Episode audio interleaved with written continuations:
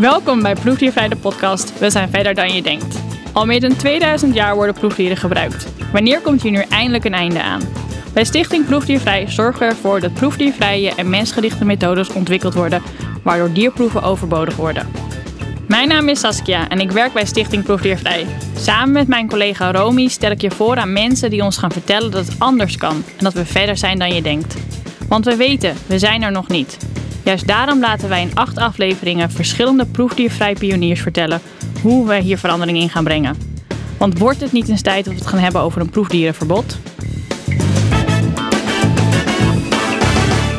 Goedemiddag en welkom bij aflevering 3 van Proefdiervrij de podcast We zijn verder dan je denkt.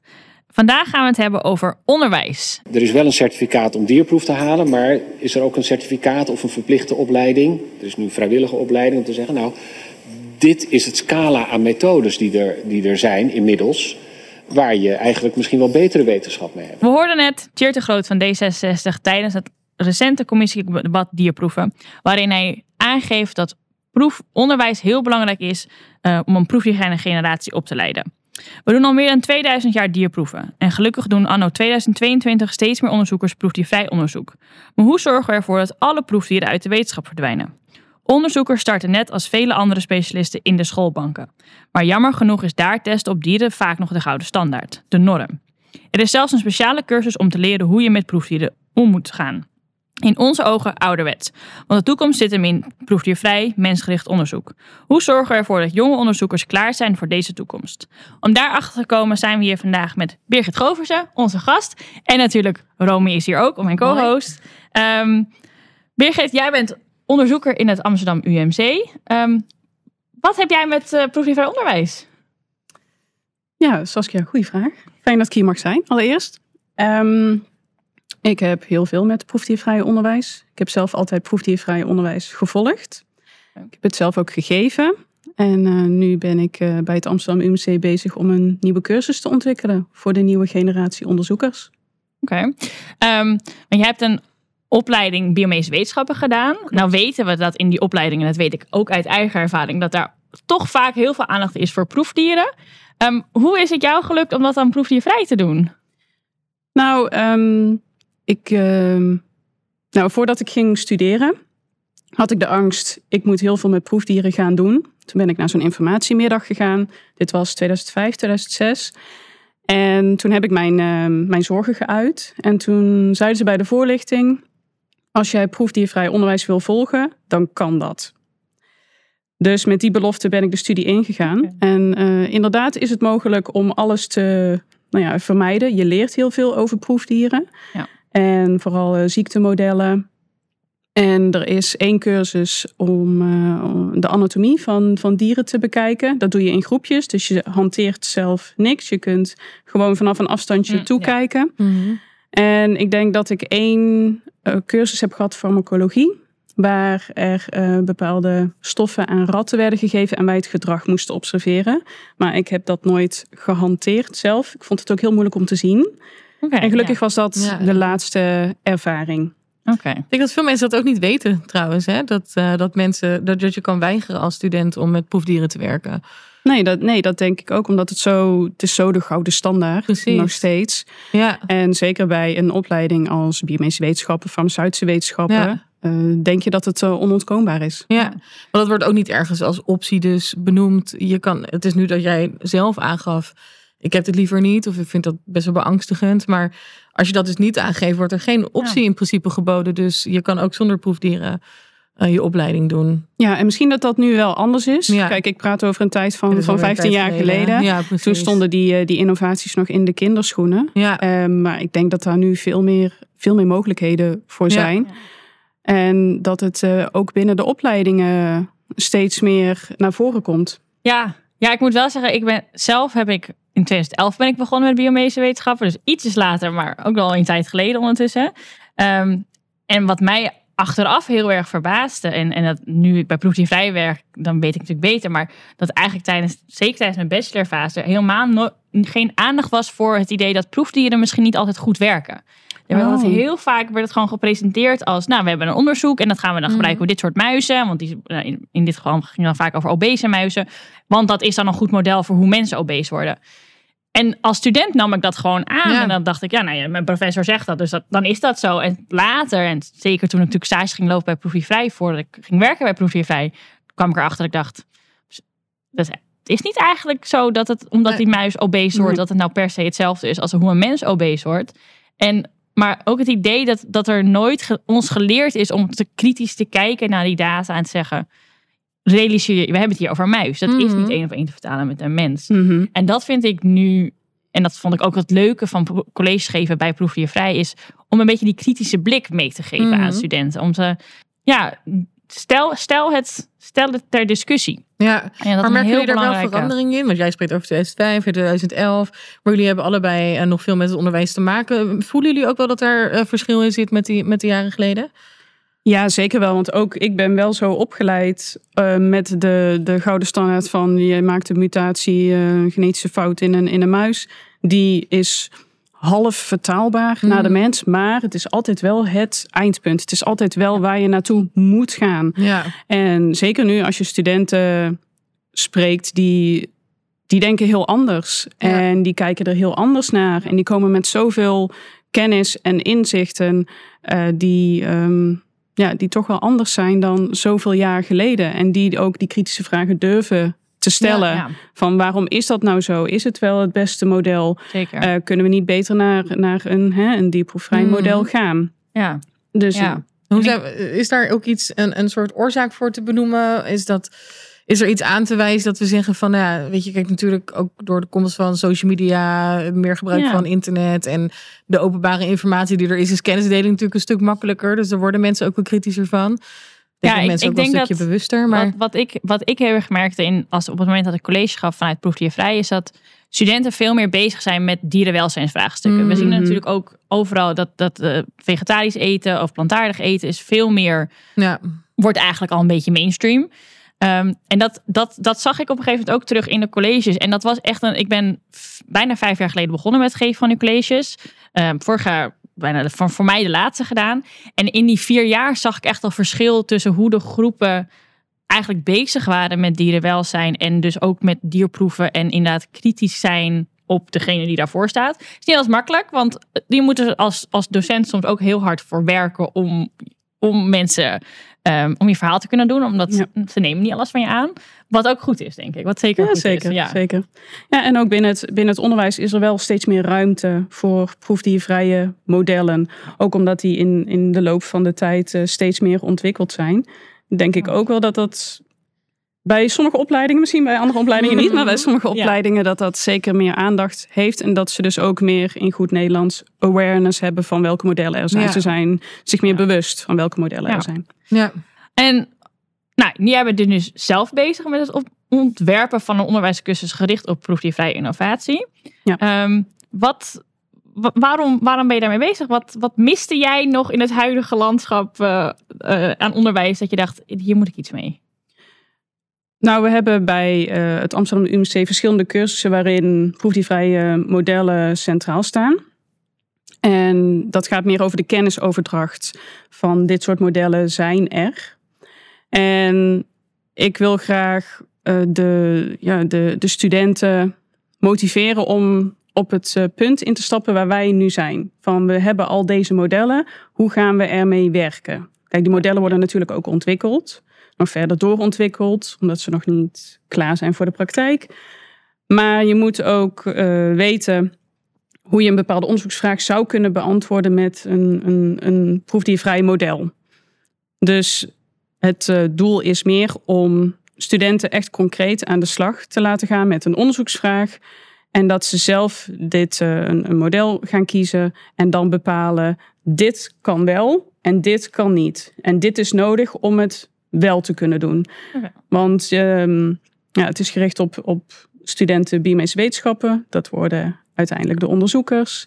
En die moeten onderzoeksvragen kunnen formuleren. Ja, heel belangrijk. En studies kunnen ontwerpen en die uit kunnen voeren. En dit is eigenlijk gewoon een voorbereiding op de praktijk. Ja. Ook omdat zij terug, eh, teruggaven van. eh, ehm, want ik heb met de studenten gepraat. Mhm. En die zeiden ook: we leren zoveel over modellen. Zeker omdat onderzoekers zelf heel hard werken aan een bepaald model. Maar ik weet niet wanneer ik welk model moet inzetten. Ja, Ja. En dat moet ik later wel kunnen. Ja. En dat snap ik. Dus daarom dacht ik, dit is precies... Hè? Hier, Ja. komt, hier komt het Ja. allemaal samen. Ja. Dus- ik, nu ik dit zo hoor, denk ik volgens mij zou Tjeerd de Groot van D66 hier heel blij van worden. Want een van zijn speerpunten is namelijk dat hij zegt: we moeten, we moeten anders gaan nadenken over hoe we eh proefvrije innovatie gebruiken. Er wordt nu vaak vanuit het hè, 3V-beleid, dus het ver- verminderen, verfijnen, vervangen van dierproeven. En dan is het vaak inderdaad de vraag: oké, ik heb een dierproef. Hoe ga ik dat op een proefdiervrije manier doen? Terwijl hij met zijn, en dan noemt hij het OMA-beleid, Oh, ja. Ehm, dat begint bij de onderzoeksvraag. Dus dat is Mhm. eigenlijk wat je ook zegt. Van, ik heb een onderzoeksvraag. En welke modellen ga ik daar nou voor gebruiken? Ja. En dus Ja. niet al bij het model beginnen, maar een stap eerder bij die onderzoeksvraag. ja, een dier Ehm, eruit denken eigenlijk. Ja, en dat je Ja. Dus, ja, dus nou ja, het, is het niet, in ieder geval niet automatisch indenken. Nee. En dat is wat je natuurlijk ziet bij het bij wat huidige innov- het 3V-beleid, is dat Ja. uitgangspunt is de dierproef. Hoe gaan we die vervangen? Hoe gaan we dat verminderen? Hoe gaan we dat verfijnen? En daarbij sla je dus eigenlijk al een stap over, namelijk wat is eigenlijk mijn vraag? Ja. Ehm, en ik denk dat dus dat een heel goed is, omdat nou ja, de nieuwe generatie eh, om wetenschappers om eigenlijk dat mee te geven van begin, begin, begin op tijd en begin een stapje eerder. En ik denk dat het supergoed is om ehm, ze eigenlijk al mee te nemen in uw ontwikkeling Hmm, van proefvrije innovatie. En niet te wachten tot ze afgestudeerd zijn en ze dan Mhm. zeggen: Ja, je hebt net vijf jaar, zes jaar onderwijs gehad. Ehm, eigenlijk, de tijd heeft nu niet stilgestaan, de ontwikkeling heeft niet stilgestaan. Zoals wat jij geleerd hebt, is eigenlijk al oud. Verouderd. Is verouderd. Ja, dus dat is heel belangrijk dat ze, als ze klaar zijn met hun opleiding, eigenlijk zo mee kunnen gaan in de, in de, in de proefvrije innovatie. in de Ja, toekomst. Dat zou de droom zijn. Ja. Absoluut. Maar Ja. zet je ook wel eens op weerstand? Want dat kan ik me ook zo voorstellen. Dat je Ja. misschien toch ook wel meer gevestigde onderzoekers... of misschien ook wel van studenten zelf... En niet, zozeer van, niet zozeer van studenten zelf. Ehm, ja, er werken natuurlijk verschillende generaties binnen een, eh, een universitair ziekenhuis. En ook Mhm. binnen, binnen opleidingen. En dieren worden, proefdieren worden voor, door sommige onderzoekers, sommige docenten nog steeds wel als gouden standaard gezien. Ja. En sommige zijn juist eh, helemaal de andere kant op gericht. Dus die zeggen proef die vrije innovaties en verder niks. En dat zorgt ook wel voor, eh, nou ja, voor eh, conflict. Maar eh, er is zeker wel weerstand van goed dat je de proef die vrije Mhm. innovaties benoemt. Maar soms hebben we alsnog dieren nodig. En daar Ja. ben ik het mee eens. Mhm. Maar hè, we hebben het nu over ehm, die vergelijking de hele tijd. Van proefdiervrije innovaties ten opzichte van proefdieren. Maar je moet gewoon de proefdierinnovaties zien als zichzelf. ja En verder niet die vergelijking gaan maken met proefdieren. Nee. Ja. Maar dat kan ook eigenlijk niet natuurlijk. Het is een hele nee, andere... het is heel... Ja. Heel ander uitgangspunt. En, Zeker. eh, en het is gewoon een heel verouderd standpunt. Ja. Dat je per se overal dieren voor nodig hebt. Zeker met de weet van nu en technologie van nu, denk ik. Absoluut. Ja. Ja. Ja, ik had eigenlijk ook nog de vraag. Ik, het is een. eh, ehm, wat ik in ieder geval ervan weet, is volgens mij het is een keuzecursus. Dus het is niet Ja. een verplichte cursus. Zou dat niet in de toekomst gewoon, of zou het niet nu al een verplichte cursus eigenlijk moeten zijn? Als ik het zo hoorde, denk ik van dat is toch een hele belangrijke voor de ontwikkeling van een onderzoeker. eh. Dat is zeker waar. Ja, er zijn ehm, niet heel veel cursussen ook voor eh, professionals of eh, onderzoekers in Mhm. later eh, stadium van hun onderzoekscarrière. En ei- eigenlijk zou je gewoon een soort van verplichte scholing moeten hebben ja. op elk niveau Ja. van, de, van de academie, van de universiteit, Mhm. om dat ehm, toch bij te brengen. ja. En Ja, ik denk zeker als je het hebt over het aanpassen van die norm. Of in ieder geval iets, dat je iets aan die norm, die gouden norm wil doen. Dierproeven zijn de standaard. Dan denk ik dat juist dat je door zoiets verplicht eh, eh, te maken. ehm, ja, het dus al zo vroeg meegeeft. En er is ook geen keuze. Je moet dit. Het is gewoon onderdeel van je volledige plaatje van het onderzoek. Eh, lijkt me dat wel een hele belangrijke. Maar inderdaad, eerst de pilot starten. Want wat, wat, wat Ja, is het verloop? Waar, welk proces, waar ben je nu in het proces? Nou, ik heb vooral heel veel verschillende mensen benaderd die iets van een link hebben met dit eh proefdiervrije onderwijs. Mhm. En met de opleiding zelf eh, hebben we nu de, de leerdoelen vastgesteld. En eh, zijn we aan het kijken wat de juiste leeractiviteiten erbij zijn om die leerdoelen te behalen. Ja. En dan eh, hopen we begin 2023 met een pilot te starten. Mhm. En dan is het afwachten eh, wat, hoeveel studenten erop afkomen. En of het. Merk je wel dat er al animo is? Ja, zeker Ja? wel. Ja, zeker wel. En eh, ik heb bij verschillende masteropleidingen geïnformeerd. Die zijn ook eh, geïnteresseerd om het als keuzecursus open te stellen. Mooi. En het eh, volgt ook goed op de andere cursussen die er zijn. Ja. Dus hoop ik dat het mooi zo binnen het curriculum past. En dat we met een enthousiaste groep studenten kunnen starten. Nice. Ja, Ja. We hebben het nu heel erg over onderwijs op universiteiten. En dat is natuurlijk logisch. Jij werkt op een universiteit, ik heb ook gestudeerd. Ehm, denken we dat er ook al ruimte is voor dit soort onderwijs, of het onderwijs over proefdieren en proefdiervrije innovaties, eigenlijk eerder, misschien al op de middelbare scholen al, misschien op basisscholen al. Mhm. Ehm, wat, wat zou nou een goede leeftijd zijn om, om mensen hier meer over te leren? ja, ik zou zeggen hoe eerder hoe beter. Ja. Ja. Ja, ik denk ook dat daar ook weer een stukje. Dat denk ik ook weer gelijk aan de norm. Als je dan eh, bedenkt dat in heel veel eh, Netflix-series en in heel veel films. dat daar eigenlijk dierproeven gewoon gebruikt worden. Als in dat is normaal en we kijken er niet eens naar. En ehm, ja. dan denk ik van eigenlijk zou je dat inderdaad dus al eerder willen. eh, er- in het gesprek willen openen, denk ik eerder daarover. Dat het is het wel normaal dat er dieren worden gebruikt. eh, nou ja, onder andere ter consumptie, maar dus ook eh, om proeven op te doen. Ja, het is natuurlijk een, het is een, ingewikkeld onderwerp. Mm. En eh, dat, dat merken wij ook in onze communicatie. Om het goed uit te leggen aan mensen die niet in de wetenschap zitten, is altijd een uitdaging. Ehm, maar we horen ook van, hè, we hebben het ook van, van Robert Passier en van Bas van Balkum ook al wel gehoord dat de kennisverspreiding heel belangrijk is. Dat mensen weten van wat er, wat er, wat er anders kan. Ehm, dus nou ja, ik, ik ben het helemaal met je één, Birgit. Hoe eerder, hoe beter. En eh, dat, eh, Ja. ja, dat lijkt me een heel... Ik denk dat de cursus ook kan bijdragen aan het eh, ontwikkelen van ambassadeurs voor de, boodschap, de proefdiervrije innovatie eh, toch? Ik denk dat als Absoluut. zij eh, hun peers of hun Ja. vrienden en familie vertellen over het werk wat zij doen. Dus ik denk dat het alleen maar hele mooie dingen mee kan, kan brengen. Ja. Hoe lang duurt zo'n cursus eigenlijk? Even voor mijn begrip, hoe ziet dat eruit? Eh, is dat een Een jaar. Een zijn we- jaar, Hoe lang zijn ze bezig? twee jaar? Ja. Nee, zo'n zo'n keuzecursus is, is vaak een, een paar weken. Kan, kan twee, kan vier weken zijn. En de echt eh, de stevige cursussen die duren, duren wat langer. ja. Maar het is wel eh, in, een, eh, in een korte tijd. Ja. Maar dat hoeft de, impact niet, niet kleiner te maken. Nee, maar ik denk het is eigenlijk fantastisch dat met een paar weken onderwijs je een hele, nou ja, hopelijk een hele andere mindset bij mensen kan, kan Ja. introduceren en ze klaarstoomt voor de toekomst. Tenminste, zoals wij dat Mhm. zien natuurlijk als eh, bij Proefdiervrij. Ehm, Ja. ja. kijk, het is, het, is, het is dus niet, het is niet ehm, de investering in dat opzicht is dus relatief klein. Het, het is niet, je hebt niet jaren nodig Mhm. ehm, om anders te gaan kijken naar proefdieren en, en anders te kijken naar proefdiervrije innovatie. Ja. Dat is een heel. eh, Ja, dat zeg je nu, maar dan zou dat tien jaar geleden ook zo zijn. Ik denk dat er wel al, al heel veel is veranderd als ik jullie verhalen hoor over hoe het op jullie studie eh, eraan toe ging. Ja. Zou dit tien jaar geleden, of in jullie tijd, zou, dit, eh, zou er niet veel meer weerstand zijn eh, om zo'n cursus te starten? Is het Dat- nu niet de tijd ervoor om het te doen? Ehm, het zou kunnen dat het eerder wat weerstand zou, zou kunnen Ja. eh, opbrengen. Zeker omdat het onderzoeksveld zelf tien jaar Mhm. geleden ook nog jonger was. Ja, Eh, het, eh, sommigen sommige zeggen hè, het staat nog steeds in de, in de kinderschoenen. Maar eh, we zijn al wel 15 jaar Ja. bezig. Mhm.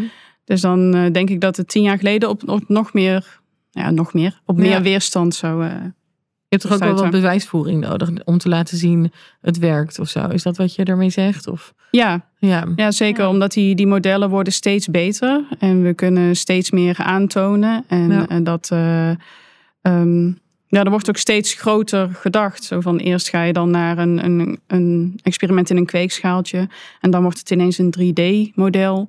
En nu hebben ze het over hè, het verbinden van 3D-modellen. Mhm. En het wordt gewoon steeds groter, steeds complexer. Ja, En zo worden die bouwstenen steeds meer ja, opgebouwd. ja. En denk ik dat we over zoveel jaar nog, nog verder zijn. En dat we steeds allemaal stappen kunnen maken. En dat we nu inderdaad die studenten mee kunnen nemen. Omdat zij ook ehm, ja, de toekomst zijn. En eh, daar eh, ook heel veel eh, nou ja, meningen en kennis over hebben. ja. En je hebt een En- nieuwe Fries, Friese wind ook alweer nodig, denk ik. Die Absoluut. er weer even opnieuw kritisch naar kijkt. Ja. En eh, ja, Ja, mooi. absoluut.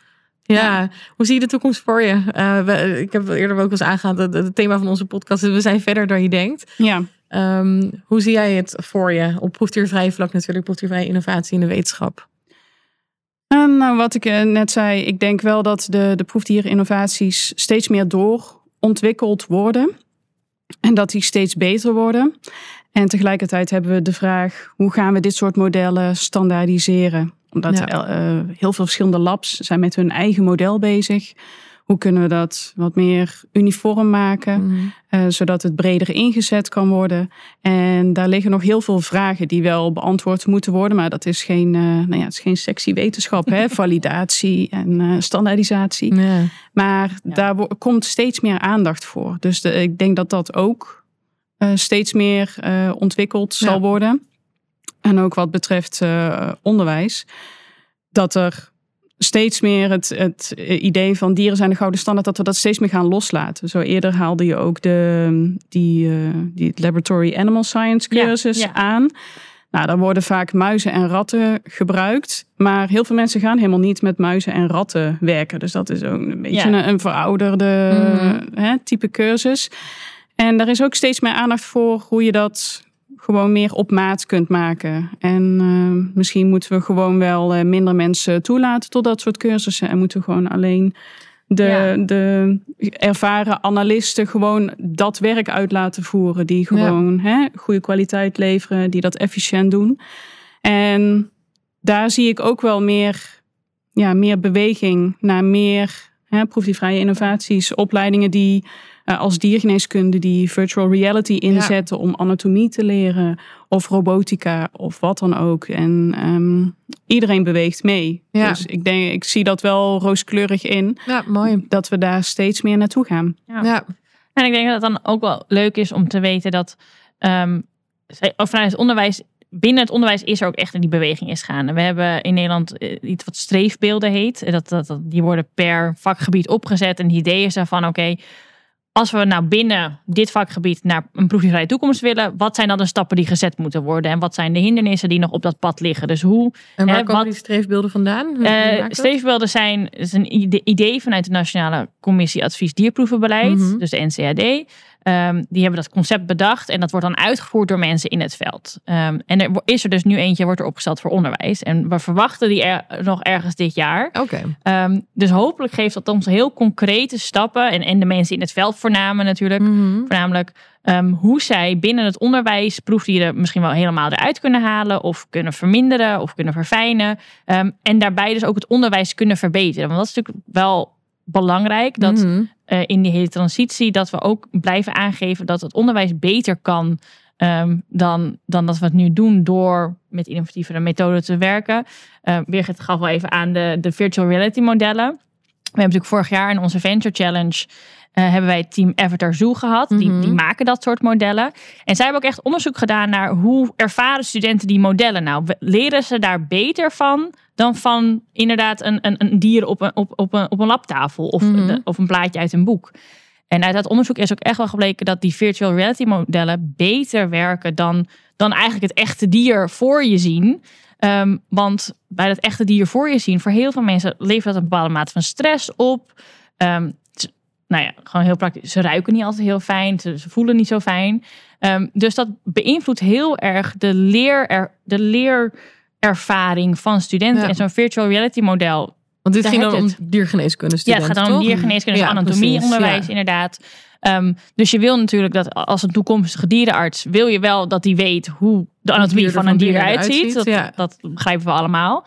Um, maar ja, het blijkt dus eigenlijk dat ze dat beter kunnen leren bij een, een, een virtueel model dan Ja. eigenlijk met een echt dier wat op, een- op een labtafel ligt. Zorg Omdat er veel meer minder emotionele maar- stress bij komt kijken. Wat Ja. Nou ja, het onthouden van informatie echt beïnvloedt. Dus ik denk dat dat ook wel heel mooi is om niet uit het oog te verliezen. Dat het niet, het is niet een, ehm, we doen geen eh, concessies als we gaan naar proefdiervrij onderwijs. We maken juist het onderwijs beter. Ja, en het is dus niet alleen het ethische aspect, maar Nee. het is gewoon echt inderdaad het beter maken zeker. van. Ja, En dus het bevorderen van dieren en studentenwelzijn. Ja, Ja. ja, dat mooi, eh, gaat Ja. hand in hand. ja. Ja, het is duidelijk dat er nog flink wat, uh, wat werk aan de winkel is. We zijn er nog niet, maar we kunnen wel concluderen dat proefdiervrije innovatie uh, in het onderwijs verder is dan we denken. En uh, daar zet jouw cursus natuurlijk ook mooi op, op in. Um, en als je nou luistert naar de podcast en zelf misschien wel een student bent binnen biomedische wetenschappen of een andere opleiding en jouw ervaring wil delen over proefdieren in het onderwijs, doe dat dan vooral. laat een berichtje achter via onze social media uh, Instagram of Facebook of stuur ons een mailtje. En we zijn heel benieuwd naar jullie ervaringen met proefdieren en proefdiervrij onderwijs. Als je dat op social media doet, gebruik dan uh, de hashtag proefdiervrij de podcast erbij. Dan kunnen we de gesprekken volgen. En vergeet niet gelijk te abonneren op ons kanaal. En hartstikke bedankt ja. verder voor het leuke gesprek. Ja, Birgit, en ik vond het onwijs interessant. Zelf ook weer heel veel geleerd. Ja. Um, en fijn dat je er was. Ja, fijn dat ik er mocht zijn. Super. Nou, lieve luisteraar, bedankt voor het luisteren naar aflevering 3 van Proefdiervrij de podcast. Onderdeel van een achtdelige reeks waarin we elke laatste vrijdag van de maand praten met verschillende gasten over proefdiervrije innovatie en proefdieren. Vergeet niet te luisteren naar ook aflevering nummer 4. Die zal gaan over cosmetica en het cosmeticaverbod.